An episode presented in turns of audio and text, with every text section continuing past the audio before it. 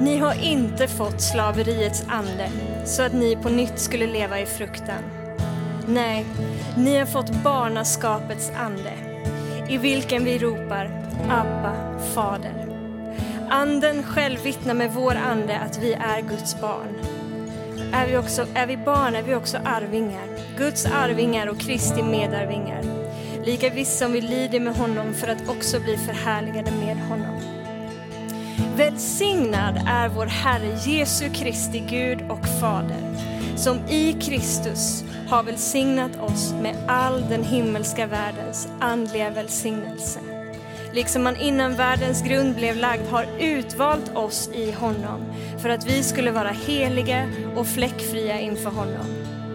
I sin kärlek har han genom Jesus Kristus förutbestämt att vi skulle tas upp som hans barn enligt sin vilja och sitt beslut. För att den härliga nåd som han har skänkt oss i den älskade ska prisas. I honom är vi friköpta genom hans blod och har förlåtelse för våra synder på grund av den rika nåd som han har låtit flöda över oss med all vishet och insikt.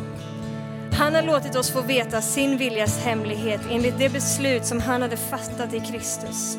Den plan som skulle genomföras när tiden var fullbordad. Att i Kristus sammanfatta allt i himlen och på jorden. I honom har också vi fått vårt arv, förutbestämda till det av honom som utför allt efter sin vilja och sitt beslut. För att vi som har vårt hopp i Kristus ska prisa hans härlighet och ära. I honom har också ni, sedan ni hört det sanna budskapet, evangeliet om er frälsning, ja, i honom har också ni, sedan ni kommit till tro, tagit emot den utlovade helige Ande som ett sigill. Anden är en handpenning på vårt arv, att hans eget folk ska förlossas, för att hans härlighet ska prisas. Sedan jag hört om er tro i Herren Jesus och er kärlek till alla de härlighetens fader, ska ge er vishetens och uppenbarelsens ande så att ni får en rätt kunskap om honom. Jag ber att era hjärtan ska upplysas så att ni förstår vilket hopp han har kallat er till och hur rikt på härlighet hans arv är bland de heliga och hur oerhört stor hans makt är i oss som tror därför att hans väldiga kraft är verksam. Herre, vi tackar dig för ditt ord idag. Tack att ditt ord är levande och verksamt. Tack att ditt ord är skarpare än något tvegat svärd, Herre. Tack att du är den mest skickliga hjärtkirurgen som finns, Herre. Och jag ber att ditt ord idag skulle få gå på djupet i våra hjärtan, Herre. Att det skulle skilja själ och ande, led och märg och uppenbara, blottlägga vårt hjärtas uppsåt och tankar, Herre. Tack att du verkar med din varsamma hand, Herre. Tack att vi får vila i den här stunden i att det är du som har utvalt oss. Vi har inte utvalt oss själva, utan du har utvalt oss och bestämt att vi skulle tas upp som dina barn. Och ständigt verkar du för vårt bästa. Ständigt så strider du för oss. I Jesu namn. Amen. Amen, varsågod och sitt om du inte redan sitter. Hallå kompisar! Lovisa heter jag och jobbar som eh, pastor här i församlingen. Ehm, jag har pluggat musik en hel massa år. Eh, jag är, jag är flöjtist i botten och hade min, mitt sikte inställt på att jag skulle bli symfoniorkestermusiker innan Gud styrde min bana in på ett annat håll. Och eh, när man har sitt sikte inställt på det, då övar man väldigt, väldigt, väldigt mycket. Eh, så livet på eh, Musikhögskolan eh, ser ut som att man väldigt många timmar om dagen står instängd i en liten övningscell. Utöver liksom orkesterspel och ensemblespel och så här, så kan man stå liksom fyra, fem, sex timmar och bara nöta och nöta och nöta och nöta och nöta för att sätta de här grejerna som man måste ha satt då till konserterna och så. Ehm, och ett inte helt ovanligt scenario för mig och eh, flera som har pluggat så kunde det se ut som att inför en konsert så hade jag övat hjärnet verkligen. Och sen på konserten så gick det pannkaka i alla fall. Det spelar ingen roll att jag hade övat asmycket. Det gick jätte, jättedåligt verkligen att spela fel. Och så komma då liksom till läraren eller den som skulle bedöma det här eller så med sin stora besvikelse liksom att det gick så himla dåligt. Och jag hade ju övat jättemycket. Och svaret som jag med flera då ofta fick var, ja men bra att du har övat, men hur har du övat?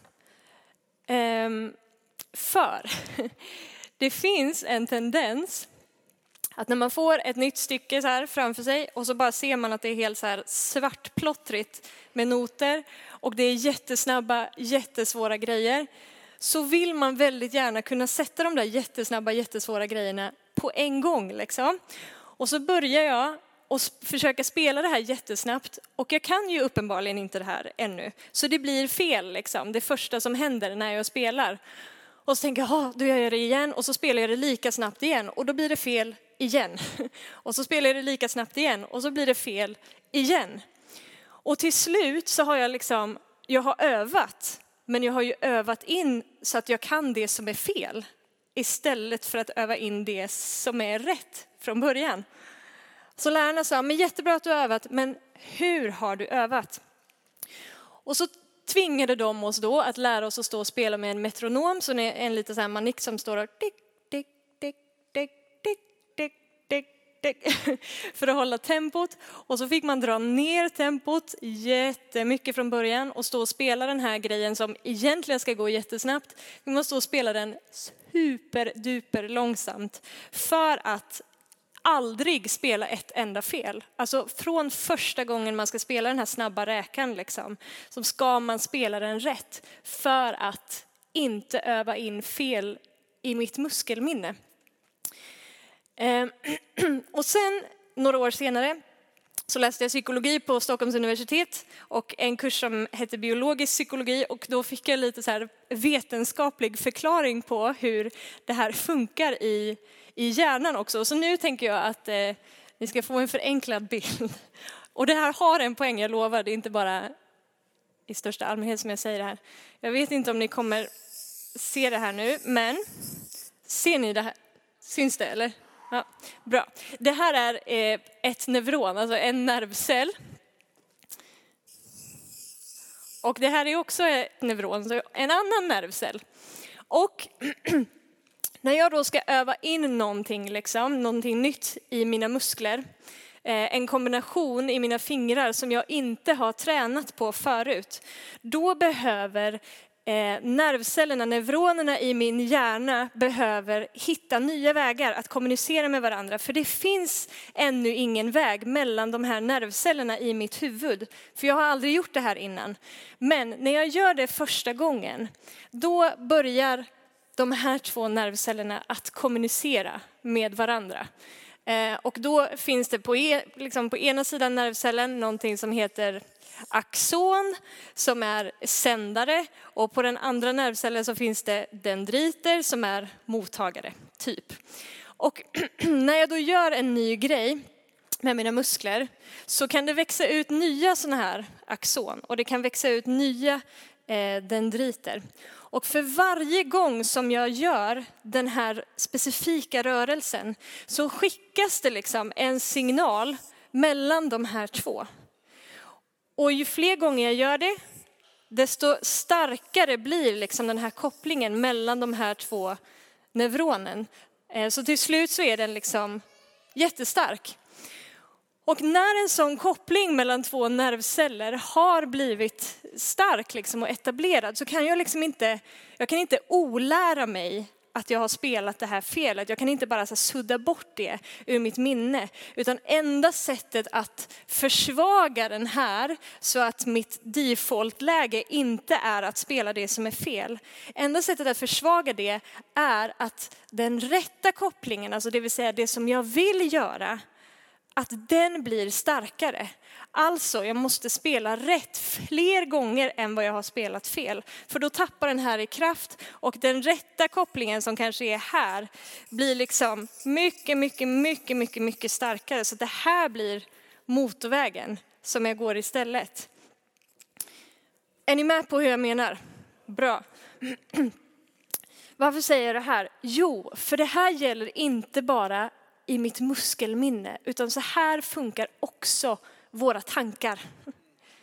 När jag tänker en tanke liksom, så skickas de här signalerna och för varje gång som jag tänker den specifika tanken så kommer den här banan liksom att växa sig starkare och starkare och starkare och det byggs på. Liksom. Eh, så det blir default-läget i mitt sätt att resonera och i mitt sätt att, att tänka. Och enda sätt, jag kan inte otänka den tanken, utan enda sättet att få bort den tanken ur mitt huvud är att en annan tanke växer sig starkare. Att jag när en annan tanke mer än vad jag har närt den första, som jag kanske inte vill tänka. Och det här blir ju då väldigt intressant om man kopplar det här med det andliga. Det, är, det, hänger ju ihop liksom och att se att det finns en slags fysisk koppling till det som Bibeln faktiskt pratar om är ju coolt tycker jag i alla fall. Eh, men då så står det så här. Paulus säger i andra Korinthierbrevet, jag vet inte Emil om vi kan få upp den här kanske. Andra Korinthierbrevet kapitel 10.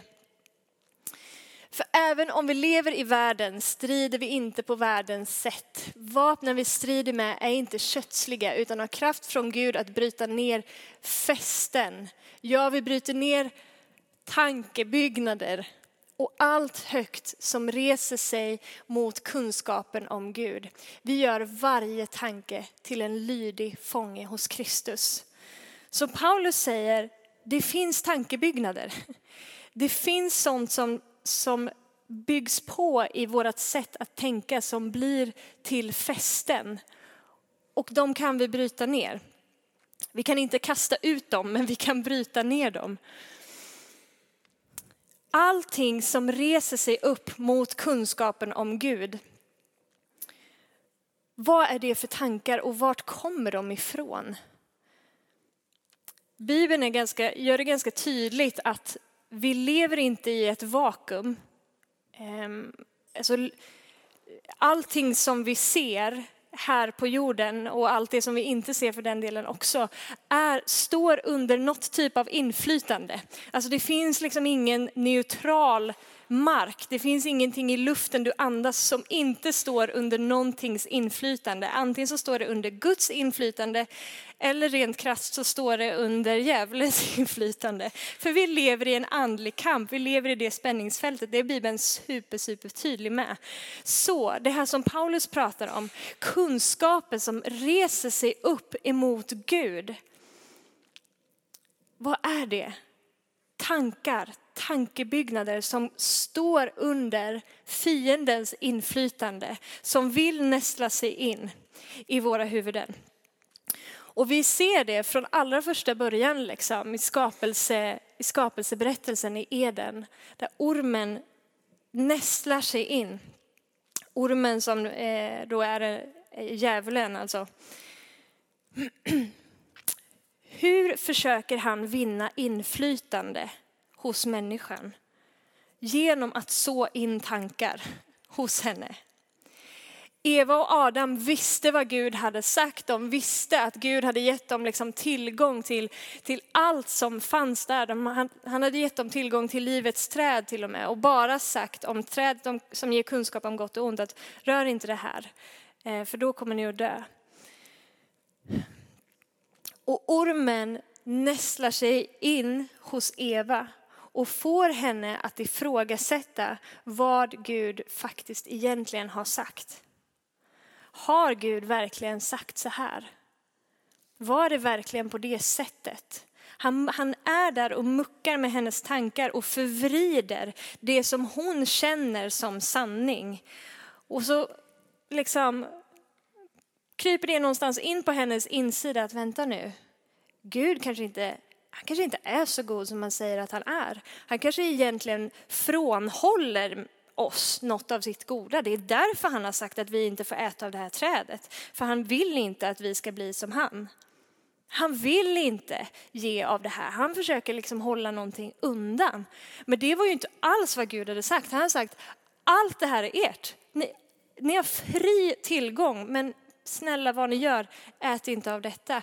Och det där bara, är ormen där och mm, ställer till det för henne.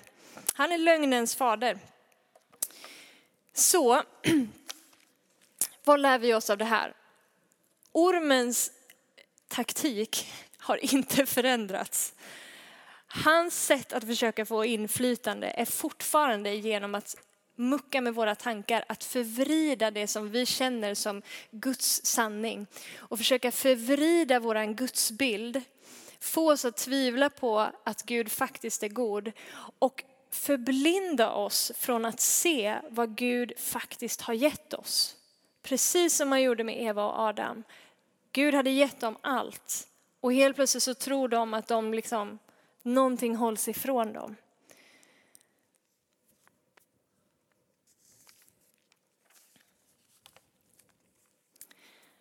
När en tankebyggnad väl har satt sig i oss. För, ni fattar den här kopplingen alltså. Vi tänker, någonting är att mucka med våra sinnen. Vi tänker en tanke som kanske är lite sann men lite förvrängd. Och så tänker vi den igen, och så tänker vi den igen, och så tänker vi den igen, och så tänker vi den igen, och igen, och igen, och igen. Till slut har det blivit en tankebyggnad, till slut har det blivit ett fäste i mitt huvud. De här tankebyggnader, de här fästena, oavsett om jag vill det eller inte, oavsett om jag är medveten om det eller inte, så kommer de att bli till filter för mina ögon. Alltså mitt sätt att se på mig själv, mitt sätt att se på världen, mitt sätt att se på vem Gud är, kommer att filtreras genom de här tankebyggnaderna. Det blir liksom mina glasögon som jag har på mig. Eh, och ibland förstår jag det och oftast förstår jag det inte. Men så är det liksom bara. Eh, och jag har tänkt att vi ska, nu kanske du undrar vad i hela friden har det här med att göra de texterna som vi läste här innan. Men det finns en koppling, jag lovar. Jag har tänkt att vi ska försöka bara kolla lite på liksom, nu har vi slagit, slagit fast att fiendens grundläggande strategi eller sätt att försöka vinna inflytande är genom att mucka med våra tankar, genom att förvrida sanningen till lögnen. Eh, och då finns det liksom i det två så grundläggande metoder som han använder för det och en av dem ska vi adressera idag. Jag, tänker, jag tror att de här två grundläggande metoderna är ett genom anklagelse, två genom frestelse. Och nu idag ska vi dela med den som eh, har med anklagelse att göra. För de här, de här eh, tankebyggnaderna, eller de här festerna, de kan ta sig alla möjliga former. Och djävulen vet vart du och jag är svaga någonstans i våra personligheter eller så här. Och han kommer att spela på de strängarna liksom. Så hur det här ter sig är extremt olika från, från person till person. Men, men grundläggande så finns det liksom anklagelse eller frestelse i botten för hur de här verkar i alla fall. Anklagelse då, som han använder sig av, är en strategi som får oss att titta mer på våran egen synd än på våran frälsare. Det är en strategi som får oss att bli inåtvända och bli navelskådare, fastna i missmod och självömkan. Det är en strategi som förblindar oss från att se Guds kärlek till oss. Den ger oss alldeles för låg syn på oss själva som Guds barn och förblindar oss från att se vad Gud faktiskt har gett oss. Vad som har blivit oss givet i egenskap av hans barn. Det är strategin, det är taktiken.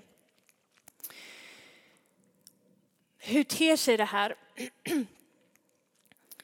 Det finns många olika sätt som sagt, men jag tänker bland annat att det ger dig och mig en bild av Gud som att han är lite missnöjd med oss hela tiden. För om fiendens strategi är anklagelse så kommer han alltid vara där och säga till dig, du har inte levt tillräckligt bra kristet liv. Du har inte gjort det här tillräckligt bra. Eller igen så har du nu misslyckats med det här. Igen så har du misslyckats med att leva upp till det som Gud förväntar sig av dig. Och hela tiden känner det som att du kommer till korta liksom inför de kraven som Gud faktiskt ställer på dig. Och att det är som att med nöd och näppe får du komma inför Gud. Och varje gång som du skulle ha gjort någonting dåligt, igår kanske, så, så bär du det garanterat med dig i din liksom, känslomässiga ryggsäck den dagen som du tänker att du ska ställa dig inför Gud. Och det blir som världens tröskel att komma inför honom hela tiden för att du tappar i frimodighet. För du ser inte sanningen om Guds kärlek till dig. Du ser inte sanningen om din identitet som hans barn. Det håller dig ifrån, det skapar ett glapp, det skapar en känsla av distans mellan, mellan dig och Gud. Vad har det här med texterna att göra? Det som jag läste först var från Romarbrevet kapitel 8 och vers 15-17 att ni har inte fått slaveriets ande så att ni på nytt skulle leva i fruktan utan ni har fått barnaskapets ande i vilken vi ropar Abba fader. Sen läste jag från Efesierbrevet kapitel 1 där det står om att Gud har förutbestämt att ta upp oss som sina barn och att vi är välsignade med all den himmelska världens andliga välsignelser. Och han, han, Paulus ger en utläggning om vilka vi är tillsammans med Gud, vad vår identitet är som hans barn, vad som är vår arvedel och hur rikt på härlighet och hopp den här arvedelen är som vi har tillsammans med honom. Och i kapitel 1 då, i Efesebrevet, när Paulus har gett den här utläggningen så avslutar han liksom det, eh, det avsnittet med att be en bön och så säger han, ska jag bara bläddra dit igen. Jag ber att vår Herre Jesu Kristi Gud, härlighetens fader, ska ge er vishetens och uppenbarelsens ande så att ni får en rätt kunskap om honom. Jag ber att era hjärtan ska upplysas så att ni förstår vilket hopp han har kallat er till och hur rikt på härlighet hans arv är bland de heliga och hur oerhört stor hans makt är i oss som tror. Därför att hans väldiga kraft är verksam. Så med andra ord, det här är vad ni har fått, det här är vilka ni är och nu ber jag att ni ska se det. Varför ber han det? För han fattar att våran, våran insikt i, våran förståelse om, våran uppenbarelse av vilka vi är tillsammans med Gud och vad som har blivit oss givet. Alltså om vi får fatt i det så blir det dynamit. Då blir vi ostoppbara.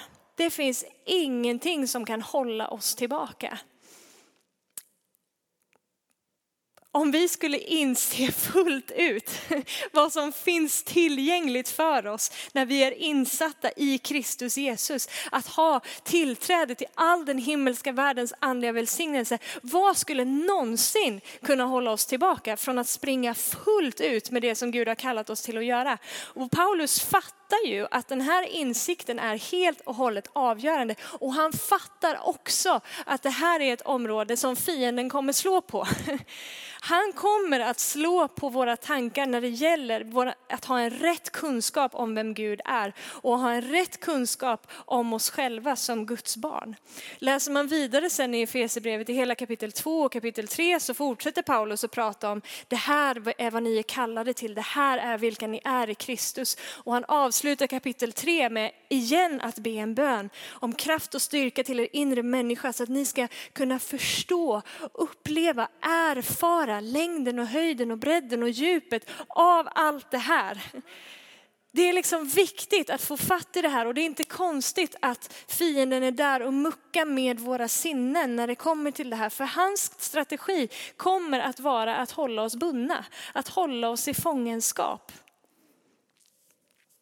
Så, det här slaveriets ande som Paulus pratar om i Romarbrevet kapitel 8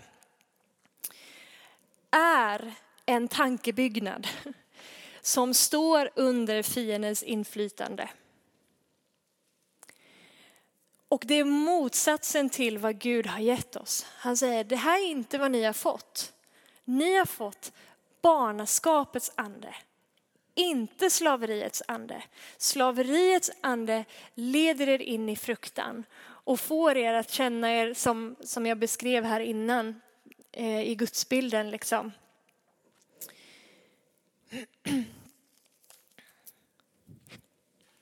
Vad är, hur vet man om man har de här glasögonen på sig?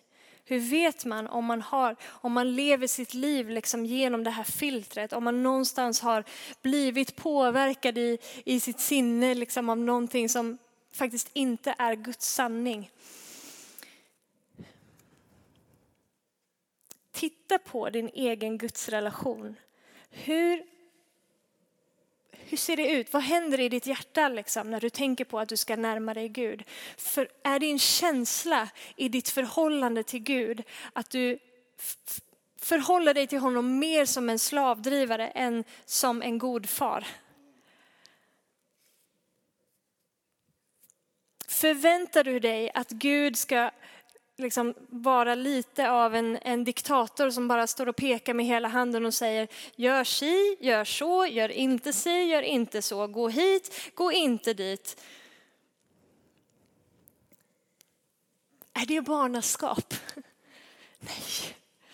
Alltså vilken pappa förhåller sig så till sitt barn? Liksom? Alltså vilken pappa har en sån relation till sin son eller till sin dotter som bara bygger på att dottern eller sonen kommer för att få instruktioner? Vad ska jag göra nu? Ska jag ta det här jobbet? Ska jag inte ta det här jobbet? Ska jag köpa den här tröjan? Ska jag inte köpa den här tröjan? Ska jag flytta dit? Ska jag inte flytta dit? Visa mig. Och Gud bara, hallå! Jag vill inte att vår relation ska se ut bara så här. Och det här liksom förhållningssättet till Gud, det, kan, man kan, det, det förklär sig ibland i ord som att ja, men jag är ju hans tjänare och han är min herre. Ja, men, och det är sant, men inte på bekostnad av relationen far-barn. De sanningarna är liksom lika sanna. Och Gud har inte frälst oss och insatt oss i en relation där vi ska komma krypandes, liksom tiggandes. Där vi någonstans nästan börjar förhålla oss som att vi är föräldralösa. Liksom. Varje gång jag kommer inför Gud för att be honom om någonting så är det lite så här med känslan av att det vet i katten om han egentligen vill ge mig det här. För han kanske egentligen håller tillbaka sitt goda ifrån mig. Vem var det som sa det från början? Han kanske egentligen inte vill. Om det är det som reser sig upp i mitt hjärta, liksom. Kanske det har blivit påverkat av det här, den här tankebyggnaden, det här slaveriets ande. Eller hur, hur ser definitionen av din liksom kvalitetstid med Gud ut? Innebär din, din liksom kvalitetstid, din ensamma tid med Gud, innebär det att du kommer inför Gud med din lista, med din bönelista? Liksom att, ja Gud, först så ber jag för den här, att du ska göra det och sen om du ville hjälpa den här personen och eh, den här personen behöver pengar och jag skulle också behöva lite mer glädje i mitt liv kul relation. Alltså vilket, vilket äktenskap, vilket fungerande äktenskap skulle se ut på det sättet att älskling kom, nu ska vi ha lite kvalitetstid tillsammans. Och så sätter du dig med din checklista liksom att om du först skulle kunna göra det här och sen skulle kunna göra det här. Är det kvalitetstid? Nej, men ibland så förhåller vi oss så till Gud i våran tanke så blir liksom våran personliga tid med Gud, det blir en sån tröskel för att jag bär med mig någon slags här, ja jag ska be för det här och så ska jag be för det här, jag ska be för det här. Men hörni, tänk om det är så att vi har fått barnaskapets ande och inte slaveriets ande. Tänk om det är så att vi kan springa till Gud så som vilken son eller dotter som helst skulle springa till en far som älskar dem. Som liksom helt utan förbehåll bara ger ger sig liksom fullkomligt och kastar sig in i, i tillit och inte har en tanke på vad jag gjorde fel igår när jag ska komma inför min far. Tänk om det är så att Gud är så god som han faktiskt säger att han är. Tänk om det är så att han vill spendera kvalitetstid med dig, inte utifrån att han bara liksom vill höra din lista, utan för att han faktiskt gillar att hänga med dig. Det är ju lätt för våra sinnen liksom, att fatta att Gud älskar oss här, och sen kanske inte polletten alltid trillar ner i våra hjärtan, men att tänka att Gud gillar mig. Han gillar mig, han gillar dig. När du kommer inför honom så är det inte att han bara så här, det var på tiden. Gött, ska vi gå igenom det här så att vi blir klara? Han blir glad när du kommer till honom. Och han har kanske inte en agenda liksom, att han ska kunna bocka av ABC på sin lista när han talar med dig. Han vill bara vara med dig för att han gillar ditt umgänge. Kan det vara vad det innebär att ha barnaskapets ande? Att fullt ut det är så att anden vittnar med vår ande att vi är Guds barn. Han har gett oss sin ande som ett sigill på den härligheten som väntar. För att vi har fått den helige ande så kan vi redan nu ta del av gemenskap med Gud som far genom Jesus Kristus. Och genom honom få njuta av all den himmelska världens andliga välsignelse. Barnaskapets ande präglas av en frihet. Det är inget ok som är tungt att bära. De tunga oken, slaveriets ande. Och det är inte vad Gud har gett dig och mig. Så att leva med slaveriets ande hindrar oss från att uppleva sann intimitet och vänskap med Gud. Nu är jag helt offer för mina papper hörni, jag vet inte riktigt var det är någonstans här. Hur länge har jag predikat? 30 minuter. Då har vi några, några minuter till.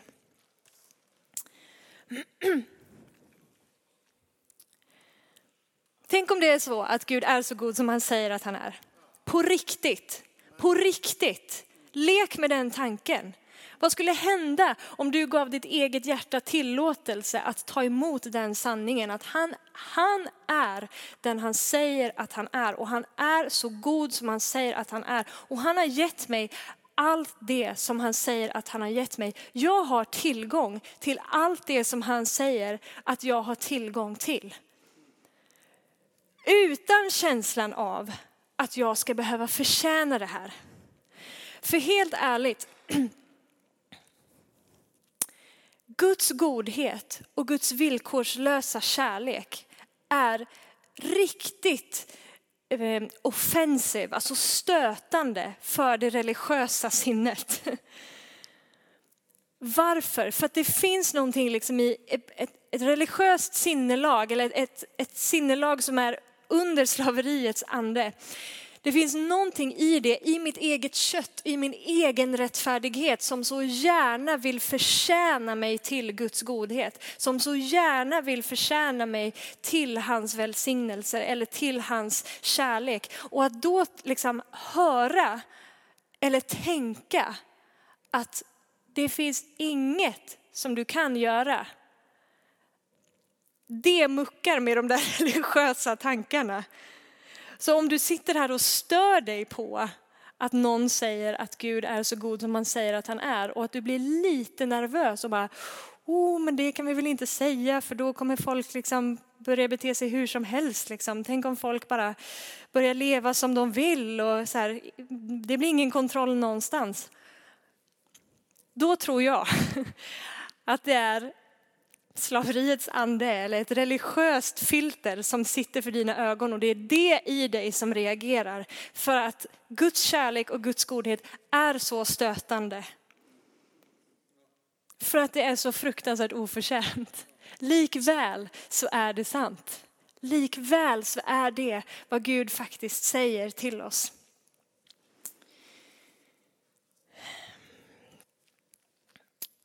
Nu går vi in för landning. Precis som att djävulen försöker påverka ditt sinne hela tiden så arbetar den helige ande 24-7 på att leda dig in i sanningen och på att visa för dig vad som har blivit dig givet av Gud. Det här budskapet är ju inte meningen att skrämma någon liksom och bara åh nej, tänk om jag har gått in under det här. Det är bara meningen att belysa, att Gud skulle i den här stunden få komma med sitt ljus på ditt och mitt sinne så att vi ser om vi är bundna på något sätt, så att vi förstår om vi är fångna, om vi har gått in under någonting som är mindre eller underställt vad Gud faktiskt har sagt. Den helige ande kommer och belyser det och Guds ord säger att när han kommer, sanningens ande, så ska han föra er in i hela sanningen och sanningen ska göra er fria. Så om det finns någon som är och muckar med ditt sinne och försöker få dig på fall så vet vi att Gud är ändå den starkaste av de här två. Och Gud kommer att verka för dig 24-7 varenda sekund för att du ska se få en rätt kunskap om honom och förstå vad som har blivit dig givet och vem du är som hans barn. Nu läser jag de här som avslutning. Ni har inte fått slaveriets ande så att ni på nytt skulle leva i fruktan. Nej, ni har fått barnaskapets ande i vilken vi ropar Abba fader. Så vår bön är att vår Herre Jesu Kristi Gud, härlighetens fader, ska ge er vishetens och uppenbarelsens ande så att ni får en rätt kunskap om honom. Jag ber att era hjärtan ska upplysas så att ni förstår vilket hopp han har kallat er till och på hur rikt på härlighet hans arv är bland de heliga och hur oerhört stor hans makt är i oss som tror därför att hans väldiga kraft är verksam. Fader, vi tackar dig. Vi tackar dig för ditt ord som är sanning. Heligande, jag tackar dig för vad du gör i den här stunden. Tack att du kommer med ditt ljus, Herre. Tack att du lyser upp varje rum i oss, Gud. Tack att du avslöjar lögnen. Du avslöjar fiendens alla strategier som försöker hålla oss bundna, som försöker fånga oss. Och ditt ord, din sanning sätter oss fria. Det är till frihet som Kristus har satt oss fria, Herre. Så vi tackar dig för det, Gud. Och vi, Gud, ödmjukar oss inför dig. Ditt ord säger att eh, vi ska underordna oss Gud och stå emot djävulen så ska han fly bort ifrån oss. Men det börjar med att vi underordnar oss dig, Herre. Så att vi börjar med i den här stunden att underordna oss ditt ord och ta emot ditt ord som sanning i våra liv, Herre. Även om det är liksom offensive för våra sinnen så väljer vi att tro att det du säger är sant, att det är sant.